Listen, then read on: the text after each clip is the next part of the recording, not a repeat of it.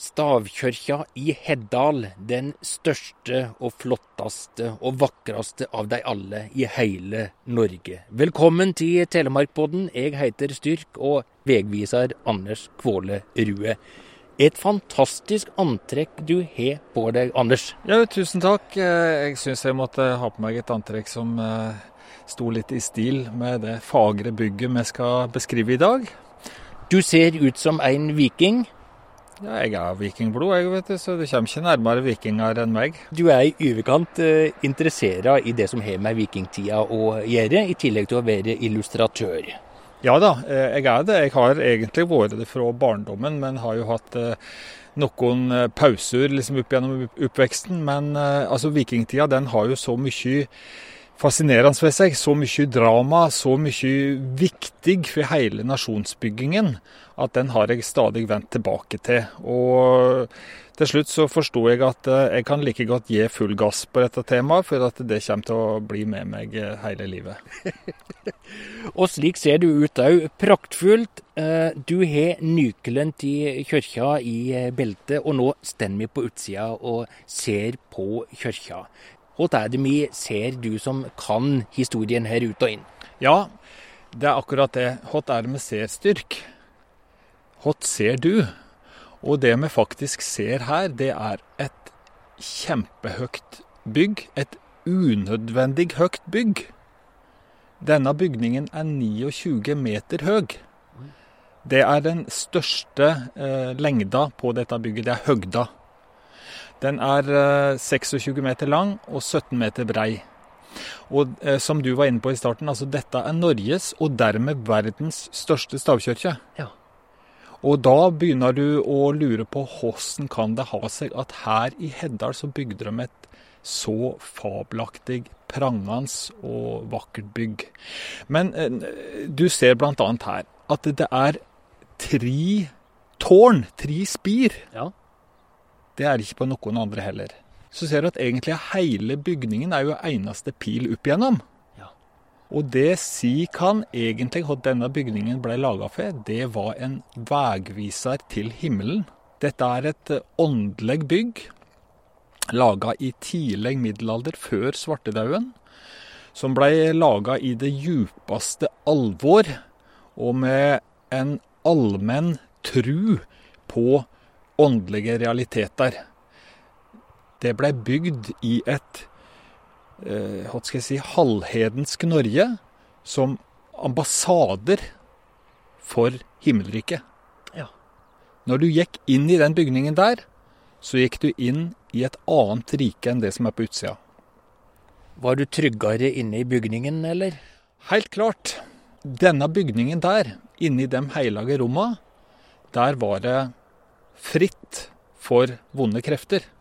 Det, det er så mye magi i utskjæringene, i portalene innover i bygget, at når du først har kommet inn i det vi kaller skipet, altså hovedrommet for forsamlingen, da er du under velsignelsen.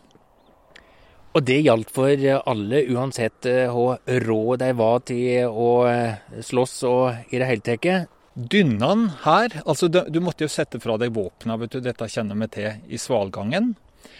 Men dynnene her, dem symboliserer at den som gjeng inn her, han kommer inn i frelsen og velsignelsen. Den som står på utsida og ikke vil inn i kirka, han er jo den som ikke vil inn i himmelriket. Så da kan du tenke deg hva slags voldsomme krefter det egentlig er snakk om. Og jeg tror mange, idet de gikk inn dynnene her, og dynene har hver sin helt spesielle historie, så tenkte de nå skjer det noe med meg. Men mer konkret i forhold til årstall, eh, når mener en at eh, kirka ble starta på? Det vi veit, det er at kirka er i sin nåværende tilstand bygd ca. 1250, kanskje litt før. Ja. Det ser vi av mange ting.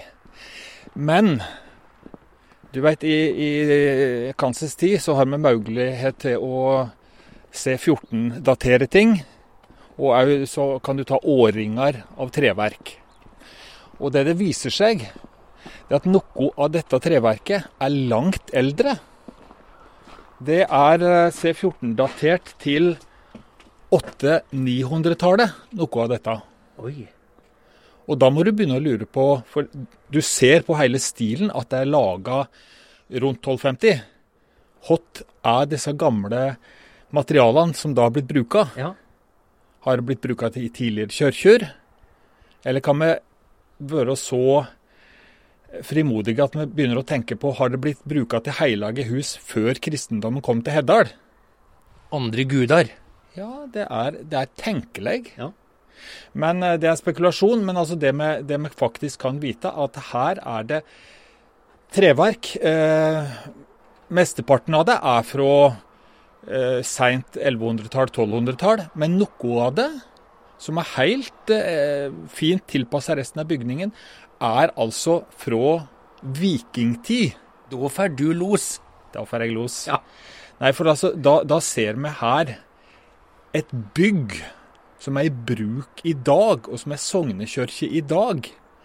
Men her kan du gå inn og ta på ei søyle, og da tar du på det samme som dine forfedre for 800-900 år siden tok på. Det er spesielt.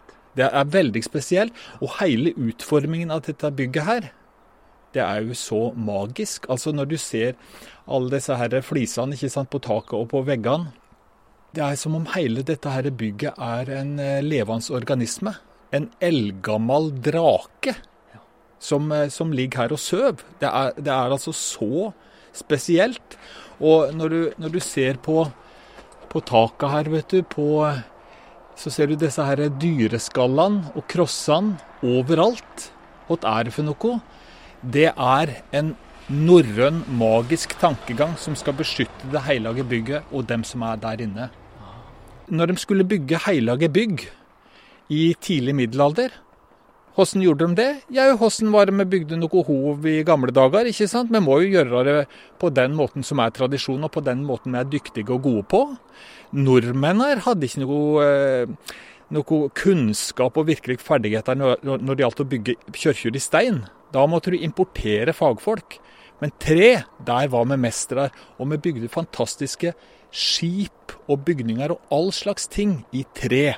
Og derfor så fikk vi stavkirkene, som blei slike fantastiske norrøne kristne tempel.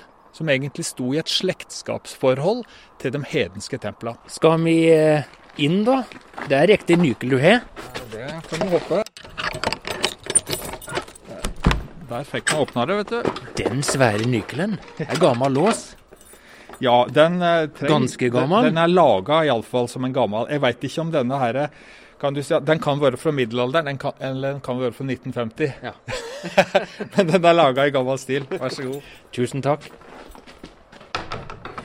Nå er vi altså i Svalgangen, og dette er interessant. Kirka har tre hoveddeler. Svalgangen, og så er det det som blir kalla skipet, altså hovedrommet for forsamlingen. Og så er det den minste delen av kirka der som de geistlige var og gjorde sin tjeneste. Det blir kalt for koret. Hvor har de denne tredelingen ifra? Den har de rett og slett ifra tempelet i det gamle Israel hedningenes forgård, og så jødenes område, og så prestenes det aller helligste området. Så nå er vi i førgarden til hedningene, eller våpenhuset. Det er helt riktig, og her kunne da hedninger, uh, udøpte og døpte, gå fritt. Ja. Men inn der kunne du bare gå hvis du tok et valg om at du skulle være kristen. Og det er ei smal dynn, og det er ei høg dynn. Og der er det slik at eh, det er vanskelig å komme inn mer enn én og én av gangen gjennom denne dynna. Det er vel noe symbolsk her, da? Ja, det er det nok helt sikkert. Og eh, å lage så Du vet, Dyna er jo ikke så smal, men den blir smal i forhold til den voldsomme høgda. Hva er det det skal egentlig være plass til, tenker jeg her. Ja. Men det som òg er veldig tøft altså, med Heddal stavkirke, det er at det er ikke ei hoveddyn inn, i- inn, inn i kirka. Det er altså en, to, tre Det er fire dynner inn. Hvorfor er det fire dynner inn? Jau, de hadde veldig system på alle ting i livet. Og de hadde ei dynn for karene, ei dynn for kvinnfolka, ei dynn for prestene og ei dynn for de udøpte.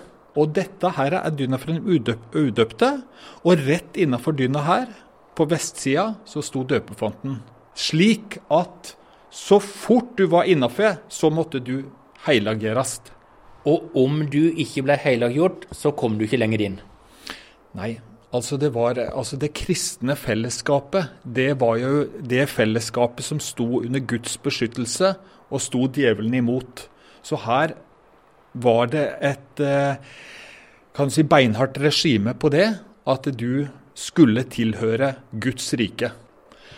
Det som eh, Her på Vestportalen her har du de sterkeste magiske ornamenta for at djevler og onde krefter ikke skal tørre å fyre med deg inn i kirkerommet. Ja. Her har du på venstre side ei forferdelig grotesk løve som, som, som gliser eh, og flekker tenner eh, som et annet eh, berserkerbeist, mens det står triumferende over et, eh, et slags dragedyr. Det ser ut som en ulv med venger. ja, det er det. Dette dyret, tru det eller ei, er et Kristus-symbol. Ja vel. Kristus er løven av Juda, og du finner denne løvefiguren så å si alle stavkjørkjør. Men det er ikke den Kristus som her kommuniserer med folk. Han kommuniserer bare med de onde kreftene som vil inn og ødelegge i kirkerommet. Og han skremmer dem, og han sier hvis du prøver å gå inn her, så skal jeg slåss mot deg og triumfere over deg. På høyre side så ser du to dyr som biter innan over kjeften. Ja. Noen har sagt det ser ut som bjønnunger. Det som er poenget her, det er den gamle norske trua på at du kan binde krefter ved en knute. Ved et eller annet visuelt symbol så kan du binde personer eller onde makter fra å entre inn. Og det der med at den biter innan, det ser du da flere ganger her. Her ser du to slanger som biter innan. ja. Her er det en masse små øh, krapyl av noen slanger som biter på den samme greia. Og nå ser vi jo på utskjæringene som eh, er innramminga rundt den høye dynna. Jeg tror dynna må være eh, borti tre meter her, nest, Ja, ja. mest. Alt på denne sida det handler om at her biter jeg deg, og her holder jeg deg fast, så du ikke slipper inn. Dette skal skremme vekk onde makter. Vi må tenke på i denne tida Ingen visste om bakterier. Ingen visste om virus. Den bare visste at ulykken rammer fra usynlig hold og river vekk dem nære og kjære. Og forklaringen på dette her i denne tida det er selvfølgelig at her er det noe underjordiske, eller det er noe djevler, eller det er et eller annet mørkemakter. Og mennesker prøver å kontrollere tilværelsen ved slike ting som dette her. Men nå kan vi gå til mannsinngangen. Ja, vi må gjøre det riktig. Nå er vi på sørsida av stavkirka. Og eh, karene På den tida så var det slik at eh, karene i Grån eh, ble regna for noe bedre enn kvinnfolka. Det er motsatt av i dag. Så, så da var det slik at de fikk den beste sida å gå inn på, sørsida. Sørsida er det varmeste. Det er der det er mest sol. Og her ser vi det samme opplegget vet du, med, med portalen. Med drager og slanger som skal holde onda og skremme vonde ting fra å gå inn i rommet. Ja. Men i tillegg så har Heddal noe som er helt unikt. Du finner det ikke i noen andre stavkirker. Og det er at den har et budskap til dem som står her og venter på å gå inn til gudstjenesten. Altså òg et budskap til folk, ikke bare til usynlige makter. Nei. Eh, Det er, det er dette her folk eh, flest ikke skjønner. De ser på ornamenta eh, ved inngangsdynene til stavkirken, og så tenker de dette var noe fascinerende ornamentikk og fantastisk treskur. og de, de ser ikke at dette er jo skremselspropaganda. Det er 'med vondt skal vondt fordrives', herre. Slanger og ormer det er det verste de norrøne kunne tenke seg. Det var pyton, eh, bokstavelig talt. Men så kommer budskapen her til de karene som står her og venter på å komme inn. Du har én figur på venstre side, du har én figur på høyre side. Den på høyre side er litt høyere opp enn den andre. Ja. Det er en indikator. For det som er høyere opp, det er bæret. Og det som er på høyre side, er jo bare, Det er en gammel tankegang at det, Det som er på venstre, det er litt veikere. Som regel så er høyre handa sterkere ikke sant, enn den venstre. Så høyre og venstre, det er godt og vondt. Og hva er budskapen her? Jau, han til venstre han sitter jo i gapet på et vanvittig monster. Ser du det? Det er et monster som, har, som er i ferd med å sluke hele gubben. Oh. Der har du og der har du tunga, og der har du tennene. Han er i ferd med å bli fortært, han stakkaren der. Den, den var ikke så god å se før du forteller det. Nei. Nei. Så han er jo fortapt. Han er jo i onde makters vold. Hva er han i forhold? Han er fri som en fugl. Ingenting binder han. Sitter så glad og fornøyd og stirrer utover. Han kan hoppe ned, han kan fly ut, han kan gjøre hotten vid. Han er fri. Han er fri og frelst, men han er bonden av vonde makter. Kanskje det er et symbol på synd. ikke sant? Han er bonden opp i et eller annet som gjør at han ikke er fri og frelst. Og opprinnelig, denne dynna her, de gjorde en ombygging i 1950. og Da satte de hengslene på høyre side, men det var på venstre side. For dynna skal egentlig åpne seg på høyre side. Den som den gubben representerer, altså han som representerer frelsen. Hva er budskapen? Jau, her som dynna åpner seg på høyre side, der skal du gå inn og finne frelsen. Hvis du blir att på den sida der hengslene er, hvis du står utafor, så er du utafor Guds velsignelse. Men hva skjer nå, etter at dette er gjort om på? Dynna er ikke i bruk lenger. Nå ble jeg lura. Jeg trodde vi skulle gå inn eh, mannsinngangen. Så var det bare vas. Ja ja, så mye for det. Da går vi videre i Jeg eh, er nødt til å snakke litt om presteinngangen her, ser du. Ja. For nå begynner det å bli avansert her. Her er har vi med en fabelaktig eh, treskjæring på portalen.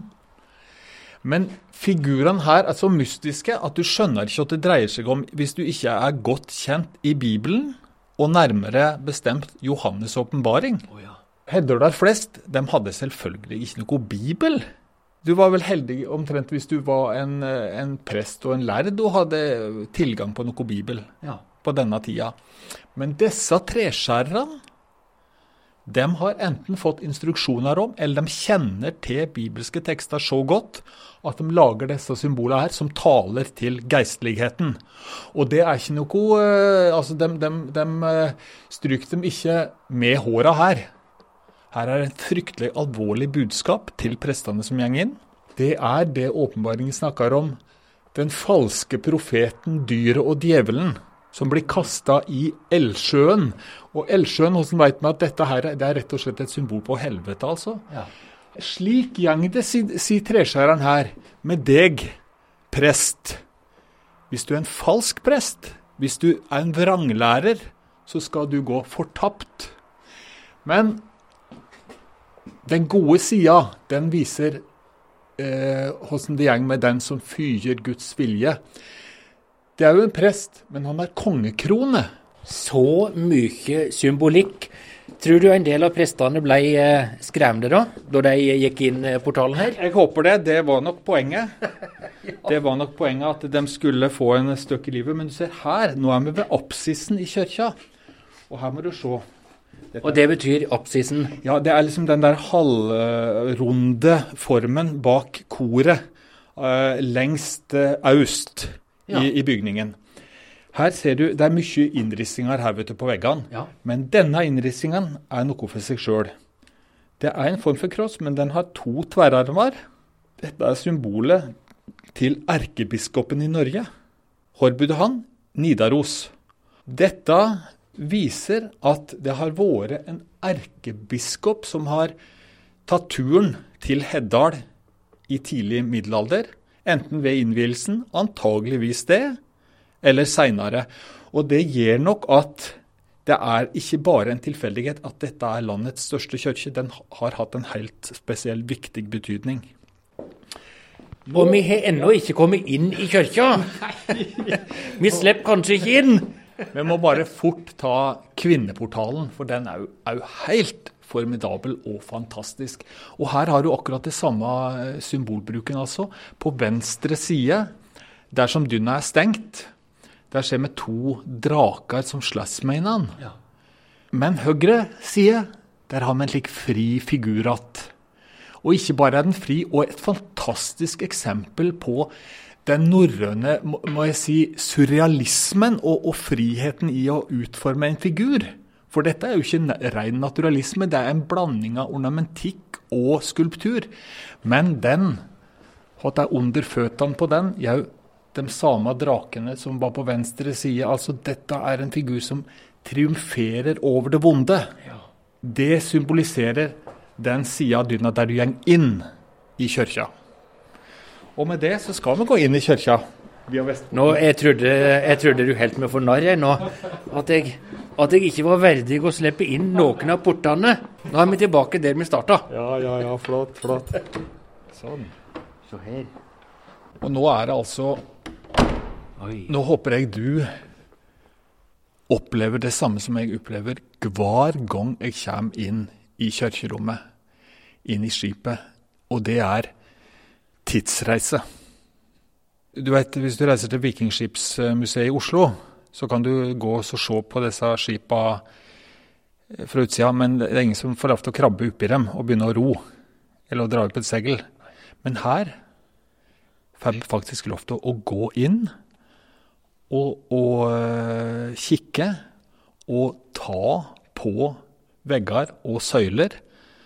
Og ba, bare den derre fantastiske lufta og lukta av treverk som er her, det er eh, den samme erfaringen som har blitt gjort altså av- nordmenn her i Heddal eh, i ja, 800 år siden, 800-900 år siden. Rundt dynnene her på innsida så fins det ikke noe eh, treskjæringsornamentikk. Nei. Nei, For at det her er det ikke noe behov for å skremme noen ting som helst. Nå er vi inne i det hellige rommet, og her er det velsignende krefter som råder. Tidligere her på veggene så var det rekke og rad med helgener som var måla. Og vi ser fremdeles eh, noen av eh, føttene som står igjen. Her var liksom hele gjengen, eh, Sankt Sunniva og Sankt Olav og Sankt Halvard og hele gjengen var måla inn her. Men når ble denne gjengen fjerna, da? Nei, det er, det er fryktelig å tenke på at den har blitt fjerna, men det er klart dette har skjedd pga. reformasjonen. Altså Det utvikla seg jo til en helgendyrkelse som etter hvert ble sett på som et stort problem. Så eh, de regner med at den rosemålingen du ser her nå, som har da blitt klabba over alle disse stakkars hel- helgene, har kommet til på 1600-tallet. Så på 1600-tallet så har galne telemarkinger rosemåla og tagga og fjerna alle spor etter helgenene. Vet du hva jeg tror? Jeg tror at det ikke var telemarkinger. Tror ikke det? Nei, jeg tror ikke det. For at dem tror jeg var såpass eh, Hva skal jeg si sære og egne at de ville holde på sine gamle skikker og sine gamle helgener.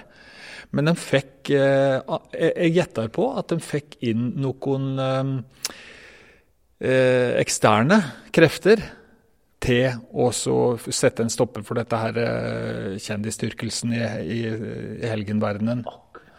Og så klabba de løs, både her i, i skipet, da, hovedrommet, og inne i koret. Og i koret så måla de opp de tolv apostlene. Oh, ja. Det var liksom litt eh, mer eh, å, å, å være bekjent av. Det var innafor av heltedyrking. Det, det er riktig. Ja. Men når det er sagt, så ser vi jo her opphavet til telemarksk rosemåling.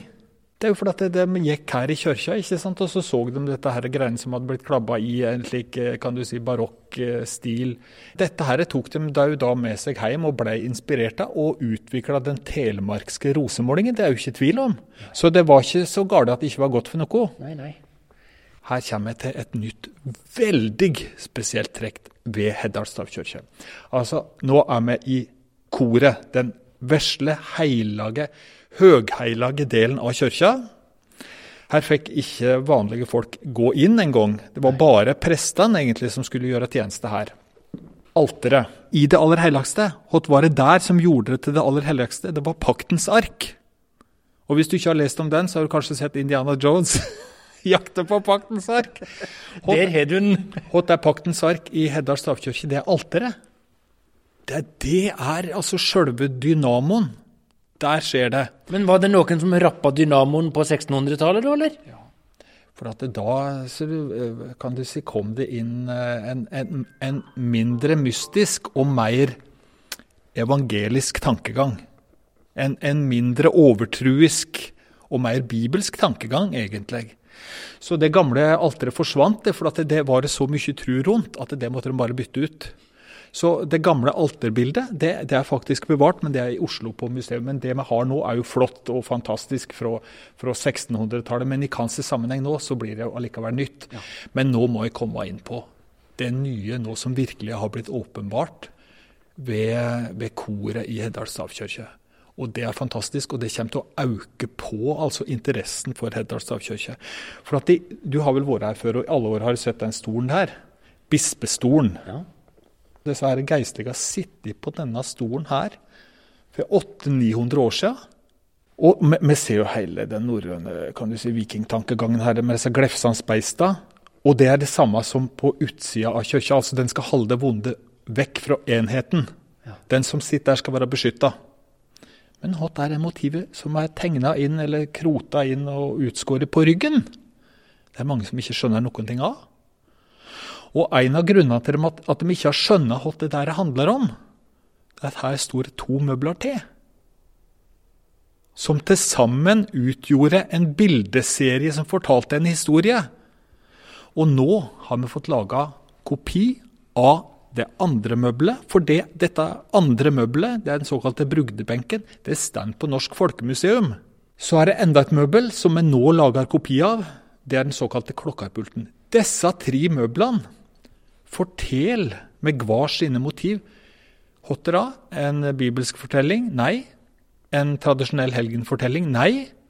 Den forteller en eldgammel historie fra gjønalderen om Sigurd Fovnesbane, drakedreperen og Brynhild Skjoldmøya.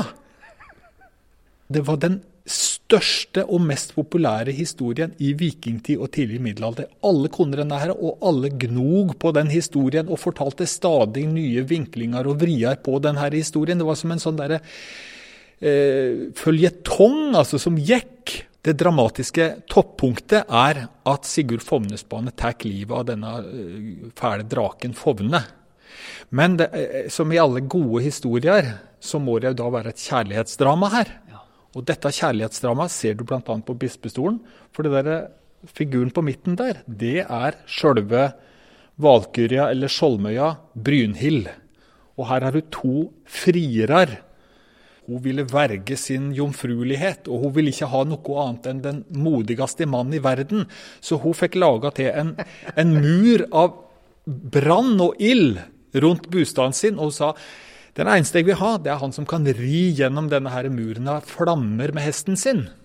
Og den som greide det, var selvfølgelig Sigurd Fovnesbane, helten. Snakk om dramatisk historie. Og denne historien er det da som gjemmer seg på disse tre stolene, benkene, som etter hvert da eh, blir å se alle tre i Heddal stavkirke. Hva betyr stavkirka i Heddal for deg?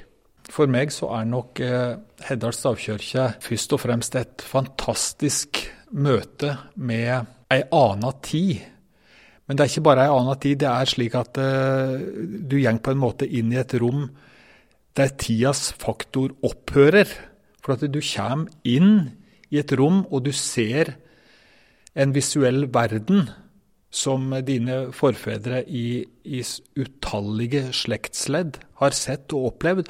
Og her opplever du lag på lag på lag med historier som, som var viktige for å bygge et helt menneske i den tida. Og det er interessant i vår veldig rotløse tid, kan du si, der uh, oppfatninger og kampsaker skifter fra dag til dag. Altså Her kommer du inn i eh, noe av grunnfjellet for å være menneske, for å være telemarking og for å være kristen. Anders Kvåle Rue, takk for ei fantastisk reise. Tilbake i tid, tilbake til røttene, men likevel med glimt av der vi er i dag. Det har vært spennende. Bare hyggelig. Det er en glede og en ære å få lov til å fortelle om Heddal stavkirke og vise denne skatten fram. Styrk Fjærtoft, Heddal stavkirke.